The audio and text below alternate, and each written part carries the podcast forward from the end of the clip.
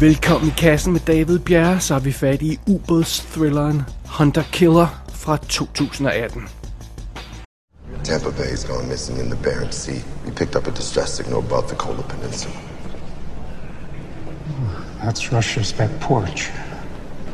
There's classified systems on that boat. And 110 men, sir. Of course. Well, you want to go quickly, you want to go armed.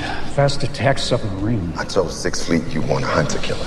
We don't have one in the Yukon region, not with the rescue sub-attachment. We do. We have one. No, son. Arkansas just lost a skipper. And I assigned her a new one. He's in the region, never been a captain. Joe Glass. Where the hell did you find him? What class was he? Never went to Annapolis, sir. Lad os lige få det med titlen af vejen først. Fordi jeg har faktisk hørt flere, der sådan kommenteret på, at Hunter Killer, det lyder som en dum titel. Åbenbart uden at vide, hvad det reelt står for. Fordi en Hunter Killer er en klassificering af ubåd. Altså det er en attack submarine, simpelthen. Det, det bliver kaldt en Hunter Killer. Og øh, det troede jeg egentlig de fleste vidste, men okay, fair nok. Øhm, jeg vil bare ikke have, at man ligesom kalder den her film for dum, bare baseret på titlen. I hvert fald. Hvis man kalder den dum, så skal det være, fordi den er dum af andre årsager. Og er den så det? Jamen, øh, det kaster vi jo et blik på lige om et øjeblik. Først skal vi lige kigge på historien her i Hunter Killer. Vi starter i den russiske del af Barentshavet. Og her er der simpelthen den amerikanske ubåd Tampa Bay, som sådan øh, forfølger i skjul en russisk ubåd. Ko- hedder den. Og det, det, er jo- det er jo sådan noget, de gør. De, forhører, de sådan, sådan leger der katten efter musen og, og ligger skjul øh, og, og forfølger hinanden og sådan noget. Det, det, det ved vi fra andre ubådsfilm. Jeg ved ikke, om de også gør det i virkeligheden. Anyway, under omstændigheder. Pludselig eksploderer den her russiske ubåd. Og kort tid efter, så bliver Tampa Bay ramt af en torpedo. Og det er jo ikke så godt. Øh, og så naturligvis så er der pludselig dømt krise. Amerikanerne bliver nødt til at få undersøgt den her situation. Hvad, hvad, hvad skete der egentlig dernede på bunden af havet? Og øhm, er der stadigvæk folk, der er i live i, i båden? Plus der jo- kan jo være øh, sensitive øh, teknologiske øh, thingies ombord, som, som, skal, som de skal sørge for at have fat i, at, at, de, at de ikke falder i de forkerte hænder og sådan noget. Så det er altså meget fint. Og en anden omstændighed, så hiver vi fat i en tredje ubåd, USS Arkansas, og den ligger til kajs øh, ved en base i Skotland. Og det er simpelthen den nærmeste mulighed for at få en redningsmission afsted til det her, den her situation i en fart. Men ubåden har ikke nogen kaptajn, så der skal en ny kaptajn øh, ombord, før, før de kan sejle afsted. Og her er det så, at vi møder Captain Joe Glass. Han er en erfaren ubåds sømand. Han har været på besætningen i flere ubåde, men det her det bliver hans første job som kaptajn. Og imens den her ubåd så bliver sendt afsted for at undersøge sagen med, hvad der skete på bunden af havet, så bliver et lille hold US Navy SEALs sendt ind i Rusland for at finde informationer om, hvad fanden der foregår derinde i på den russiske ubådsbase der, som vi, som vi alle sammen kender i, i øh, uh, Poliani. Det, det kender vi fra Hunt for October naturligvis. og en anden det her lille team af soldater får kæmpet sig vej gennem Rusland til den her flådebase. Og her falder de over et komplot. Og pludselig er der altså dømt endnu større krise end før, fordi her er der en sindssyg general, som forsøger at tage magten fra den russiske præsident. Og øh, pludselig er USA og Rusland altså på vej ud i åben krig. Og mens alt det her foregår, så er der altså kolde hoveder i Pentagon, der forsøger at få overblik over den her situation. Og vi har altså Captain Glass, den uerfarne kaptajn der, der sidder i sin ubåd og skal undersøge den her situation med, med forliset. Og så har vi Navy SEAL-soldaterne i Rusland, der er på vej ind i deres egen øh, eksplosiv situation. Og øh, ja, og alt det her, det, det, det udspiller sig simpelthen øh, samtidig, og på et eller andet tidspunkt i filmen falder alt naturligvis i hak og begynder at, at spille sammen. Det er det sådan en lille smule uoverskuelig plot i Hunter Killer. Og filmen her er instrueret af en gut, der hedder Donovan Marsh. Det er, øh, han har ikke lavet noget, jeg rigtig har hørt om for, før. Avenged fra 2013 og, og lidt andre småtterier, så jeg ved ikke, kender ikke historien om ham, må jeg tilstå. Det er Jared Butler, der spiller hovedrollen som Captain Joe Glass, og ham har vi jo set i en masse ting. Øh, han var nok bedst i 300 tilbage i 2006, og for nylig så vi ham i Den of Thieves, hvor han faktisk også var okay. Men han har jo altså også en del pinligheder på sit CV, alt fra øh, øh, forfærdelige ting som Olympus Has Fallen og Gods of Egypt og Geostorm, som vi jo har anmeldt her i kassen, der er jo forfærdeligt. Oh well, sådan er det jo. Under omstændigheder, rollelisten ellers består af sådan noget som Michael Nyqvist, som spiller Captain Androp Andropov, tror jeg man siger, som er kaptajnen ombord på en russisk ubåd, vi kommer i kontakt med undervejs. Og den kære Michael Nyqvist, han er jo simpelthen, han er jo simpelthen død. Han døde simpelthen helt tilbage i 2017. Og øh, det var vist nok noget af det sidste, han nåede at færdiggøre den her film. Og det er lidt spøjst, fordi han skal spille en kaptajn, der er sådan et gammel, russisk, stille kaptajn og sådan noget, bla bla bla, og øh, han har også været udsat for nogle hårde ting i filmen, som påvirker hans look lidt, men derudover så ser Michael Nyqvist altså syg ud i den. Han, han ser ikke ud, som om han er well, han kan næsten ikke bevæge sig, og han, han siger næsten ikke noget, og står hele tiden sådan underligt stille. Altså, det kan godt være, det er bare mig, der overfortolker, men han ser simpelthen dødhammerne syg ud i den. Og det er lidt synd, fordi vi er vant til at se ham med lidt mere gang. Vi husker ham for eksempel som, øh, som en af bad guys'en i John Wick, og han var også med i Mission Impossible Ghost Protocol, hvor han var super gang inden. Så han passer godt ind i en sådan amerikansk actionfilm, men her der er han altså meget, meget tilbageholdende og meget afdæmpet. I øvrigt så har han også en rolle i Kursk, som også er en anden ubådsfilm, som jo er den, som Thomas Winterberg har instrueret, men den har vi ikke fået set nu, ikke i skrivende stund i hvert fald. Det var Michael Nyqvist. Så har vi Gary Oldman som Admiral Charles Donegan. Han er chairman of the Joint Chiefs of Staff, så han er en af dem, der har øh, størst militær magt i Pentagon, og, øh, og, og, og altså blandet ind i den her situation. Øh, rapperen, eller sangeren, eller hvad man skal kalde ham, han er også skuespiller efterhånden. Common, han spiller øh, Rear Admiral John Fisk. Han dukker jo også op i John Wick Common, hvis man kan huske det. Øh, øh, toren altså vel at mærke.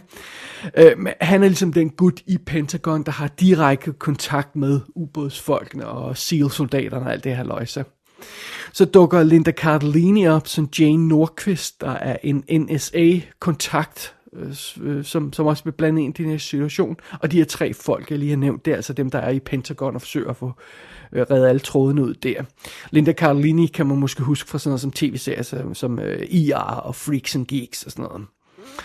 Derudover så har vi ikke så forfærdeligt mange kendte navne på rollelisten, og ikke særlig mange ansigter, jeg har set før. Der er nogle, øh, en, en masse ubådsfolk, en masse SEAL-soldater, en masse russer og sådan noget. Der er ikke særlig mange af dem, der virker bekendte. Det eneste, jeg er sådan rigtig bemærket i ellers, er Toby Stevens, som spiller Bill Beeman, der er den ledende SEAL-soldat af dem her, der trænger ind i Rusland.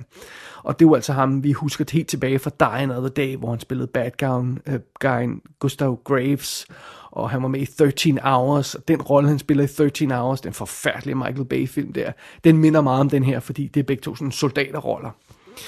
Så det er det. Men øhm, ellers er der, er der, er der, ja, der er som sagt masser af navne på rollelisten. Dem vil jeg altså ikke kaste mig over, fordi de er relativt ukendte. Det er, hvad vi har at lege med her i Hunter Killer. Worship Arkansas. This is your captain, Joe Glass. I want to say that I knew Commander O'Brien personally, and I know he trained you well. Now, I'm hearing a lot of chatter about the kind of captain that I might be, so let me tell you directly. Not an Annapolis man who learned who you are in a class. I've worked your jobs, manned the sonar, and the bull nuke, I've cleaned torpedo tubes. If you think I know you better than your previous officers, you're right. I've been underwater all my life. I missed five elections, seven Super Bowls, my sister's wedding, and my father's death. This is all I know down here. I am you. If you think that means I'm running anything other than the tightest ship you've ever seen, you're dead wrong. It's not an idle training exercise. Brothers on Tampa Bay are missing in Russian waters, possibly sunk. Yeah, en ubådsfilm med Gerard Butler, spørgsmålstegn. uh, ja, yeah, well, vi elsker jo ubådsfilm, og, øh, og der skal egentlig ikke så meget til at tilfredsstille os på det plan. Nu sagde jeg os, det er det royale os her åbenbart. Uh, jeg har listet med ubådsfilm, det er lidt det samme som sex og pizza, ikke? Det er even when it's bad, it's still pretty good, som de siger i Threesome. Uh, problemet i den her sammenhæng er jo, at der er tale om en ubådsfilm med Jared Butler. Og ja, han er god i mange ting, men han er altså også virkelig dårlig i mange ting. Og ofte virker han lidt bøvet. Sådan lidt, øh, jeg slår lige en Det er den type, han er. Han, han virker sjældent intelligent. Og det er også tilfældet her. Og derfor så er han ikke overbevisende som ubådskaptajn. Han virker ikke Jared Butler i hovedrollen i den her film. Han virker ikke som en mand, der er i stand til at kommandere mere end sin egen sutsko. Øh, det er jo ikke så godt. Og han virker slet ikke som en mand, der har den mindste militærstrategiske kunde på noget plan. Og det sjove ved det hele er, at filmen gør ikke rigtig noget for at støtte ham, for at få ham til at at virke cool. Øh, nærmest fra første øjeblik, når han sætter fod på den her ubåd, så virker hans besætning uimponeret over ham. og alle synes at betvivle hans autoritet. Og igen, det er hans første command som rigtig sådan ubådskaptajn. Og hans XO, hans næstkommanderende, protesterer højlydt nærmest ved hver eneste ordre, som Gerald Butlers karakter giver undervejs. Og øh, indrømmet, jeg ved nærmest kun om ubåde, hvad jeg har lært i øh, Hunt for October og Crimson Tide og sådan noget, men, men selv hvis man tænker sådan i almindelig sådan militær øh, sammenhæng, så virker den her øh, øh opførsel fra, fra alle de mænd, han, han skal kommandere kaptajnen der, den virker urealistisk. Det virker urealistisk, at de højlydt skulle stå og protestere øh, over hans ordre sådan, øh, i, i kontrolrummet der. Øh, og igen det her med, at filmen ikke forsøger, eller manuskriptet skulle man måske sige, ikke forsøger at, at understøtte karakteren på noget plan. Det viser sig også i, at øh, Jared Butler, han bliver ikke sur på nogen, når han bliver udfordret. Han begynder sådan pædagogisk at forklare, ja, øh, nu skal I høre, vi gør sådan og sådan, øh, og, og det er bare sådan, what? Øhm, okay, på et tidspunkt, så siger han sådan noget i retning af, at hvis jeg skal gentage alle mine ordre, så overlever vi ikke det her. Og det, det, det, det er selvfølgelig fint nok, men det er nærmest den eneste protest, man hører fra ham. Ellers finder han sig bare i at blive, handlet, at blive behandlet som lort af, af hele sin besætning. Og, og prøv at høre, apropos besætningen, husk lige tilbage på øh, hvordan det hele fungerede i, i Hunt for October og Crimson Tide og sådan noget. Altså, for det første var der jo helt ingen tvivl om, hvem der var øh, første kommanderende, hvem der var kaptajnen på de her både, og hvad rangorden var. Og for det andet, så er der de her øh, besætninger, hvor, hvor den mest ligegyldige radiooperatør, eller træningsnavigatør, eller hvad det nu er, Øh, selv den mindste karakter gør indtryk på de her besætninger i Hunt for October og Crimson Tide. De film er så godt castet. Og der er ingen i den her film, der brænder igennem andre end sådan Jared Butler, fordi vi kender hans ansigt. Selv hans næstkommanderende er fuldstændig vanilje og har mindre personlighed end beige tapet det, jeg bliver helt, hver gang han dukker op i billedet, så har jeg glemt, det er ham, der er næstkommanderende. Nå, nej, det er også ham. Jeg kan kun huske det, fordi det er ham, der protesterer ekstra højt mod alle kaptajnens ordre. Det kan jo altså ikke være meningen. Så det, det er ikke så fedt. Men okay, fair nok. Historien øh, er jo selvfølgelig øh, øh the driving force her. Hvis den var skarp, så kunne vi måske tilgive, at selve Øh, ubådskaptajnen i centrum var lidt svag, og Jared Butler måske ikke er helt overbevisende og sådan noget. Men historien her i Hunter Killer er ikke skarp. Den er, den er noget råd, for at sige det lige ud. Filmen lægger sådan op til en historie, men ender med en anden. Øh, når film, hvis vi bare ser på selve filmen, når filmen starter, så lægger vi lidt an til, at det skal være et mysterium. Der er en russisk ubåd, der bliver muligvis bliver saboteret, der er en amerikansk ubåd, der bliver sunket, og hvad der er sket, hvorfor, hvem er de skyldige, hvad skal, der, hvad, hvad skal det betyde, og øhm, fidusen er jo så, at lige så snart vores ven, venner her i den her ubåd, øh, som Gerald Butler han, han kommanderer med, lige så snart de har fundet frem til vraget på, på havets bund her, så ændrer historien nærmest øjeblikkeligt karakter og begynder at fokusere på alt muligt andet. og det er jo lidt spøjst. Fordi, ja, filmen lægger op til, at vi skal opklare det her mysterium.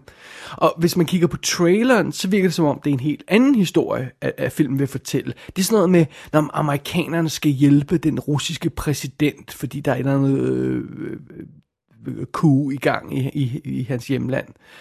Well, det plot kommer filmen også ind på, men det bliver nærmest først nævnt 50 minutter ind i filmen. Og det plot, det her med at hjælpe den russiske præsident, det går sådan først rigtigt i gang 70 minutter ind i den her film.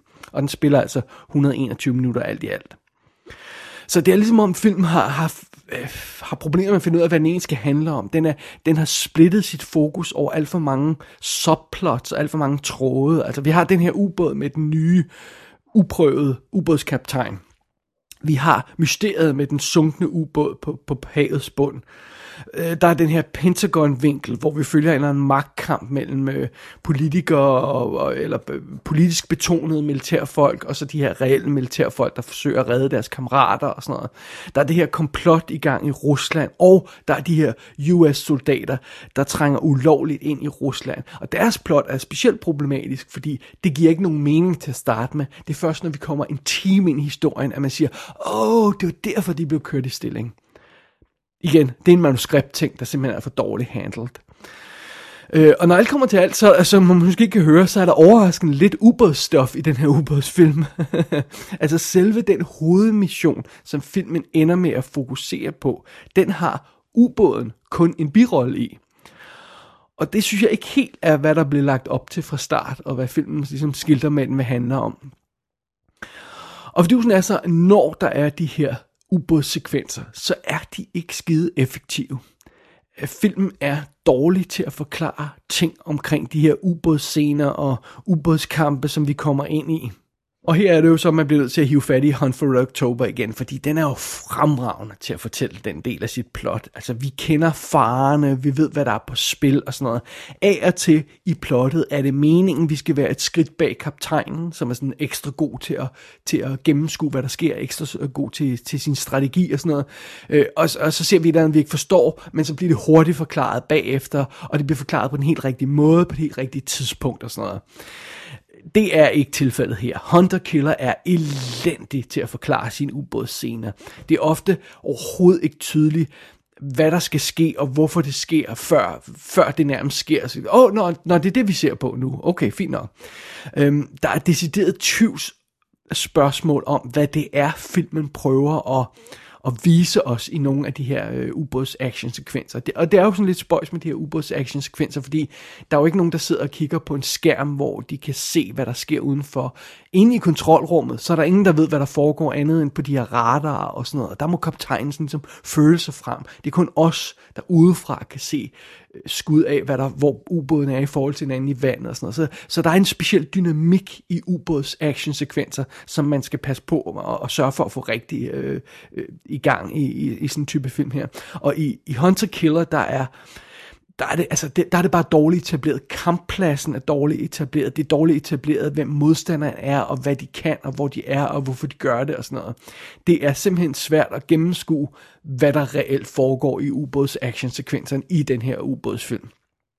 Og det gør det altså til en lidt frustrerende oplevelse at se Hunter Killer. Og det er jo specielt frustrerende, fordi vi er jo, i, når vi har den her, de her problemer, de her ubåds action scener, så er vi jo midt i det, der burde være filmens trumfkort. Altså, det er jo derfor, vi ser ubådsfilm. Det er på grund af ubåds action sekvenserne og sådan noget.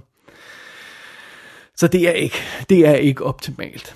Og så er der altså også et ekstra problem ved den her film og ved plottet i Hunter Killer. Og det er jo, at det føles som om filmen her kommer 35 år for sent for sit liv. Det her plot er meget koldkrigsagtigt.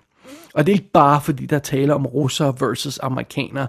Det har også noget at gøre med selve attituden hos, øh, på, på begge sider af, af ligningen. Altså både amerikanerne og russerne, deres attitude, den måde de opfører sig på, øh, er sådan noget midt 80'er-agtigt noget. Øhm, den russiske skurk, han er nærmest en vulgær karikatur øh, over sådan en bad guy, der er sådan, og sådan noget, og, og så har han, I mean, I'm not kidding, han har en hvidhåret håndlanger, for fuck's sake. Altså, hvis det ikke er en midt-80'er øh, ting, så ved jeg fandme ikke, hvad der ikke er. Altså, det, det, det, er, altså ikke, det er altså ikke godt. Øh, og hos amerikanerne, så er det altså, øh, Gary Oldmans karakter, der ligesom er, er det største problem, i, øh, når vi er i Pentagon og, og, og snakker sådan strategi og, og det her koldkrigsproblem. Fordi han opfører sig som det mest umotiverede, krigslidelige fjols lige pludselig. Det er ikke sådan noget, karakteren er i starten. Det er bare sådan noget, der pludselig, pludselig stiller han sig op og råber og skriger folk, og alle skal ud, udryddes, og vi må starte 3. verdenskrig og sådan noget. Og det er ikke kønt skuespil at se Gary Oldman kaste sig ud i det. Øh, specielt når vi øh, nærmest lige har givet ham en Oscar for, for, for, for sådan en finurlig, dejlig portræt af Winston Churchill og sådan noget. Og så vræler han sig igennem den her rolle på sådan en meget uskøn måde. Det er altså ikke fedt. Plus, apropos problemer i plottet, og hvor, hvor, hvor forældet det her plot er, jamen altså, skurkens plan er jo tåbelig. Det er sådan noget med, at jeg vil have magten, så nu starter jeg lige en alt ødelæggende krig mellem de her to stormagter og sådan noget. Øh, og, og, og by the way, så den eneste grund til, at den her plan kan lykkes, det er fordi, der åbenbart er ingen i det russiske militær, der undrer sig over, hvor landets præsident er, eller har noget problem med at godtage ordre fra en eller anden tilfældig øh, person i, i, i øh, rangstigen der. Det, det, det er, altså, det skulle for åndssvagt for at sige livet.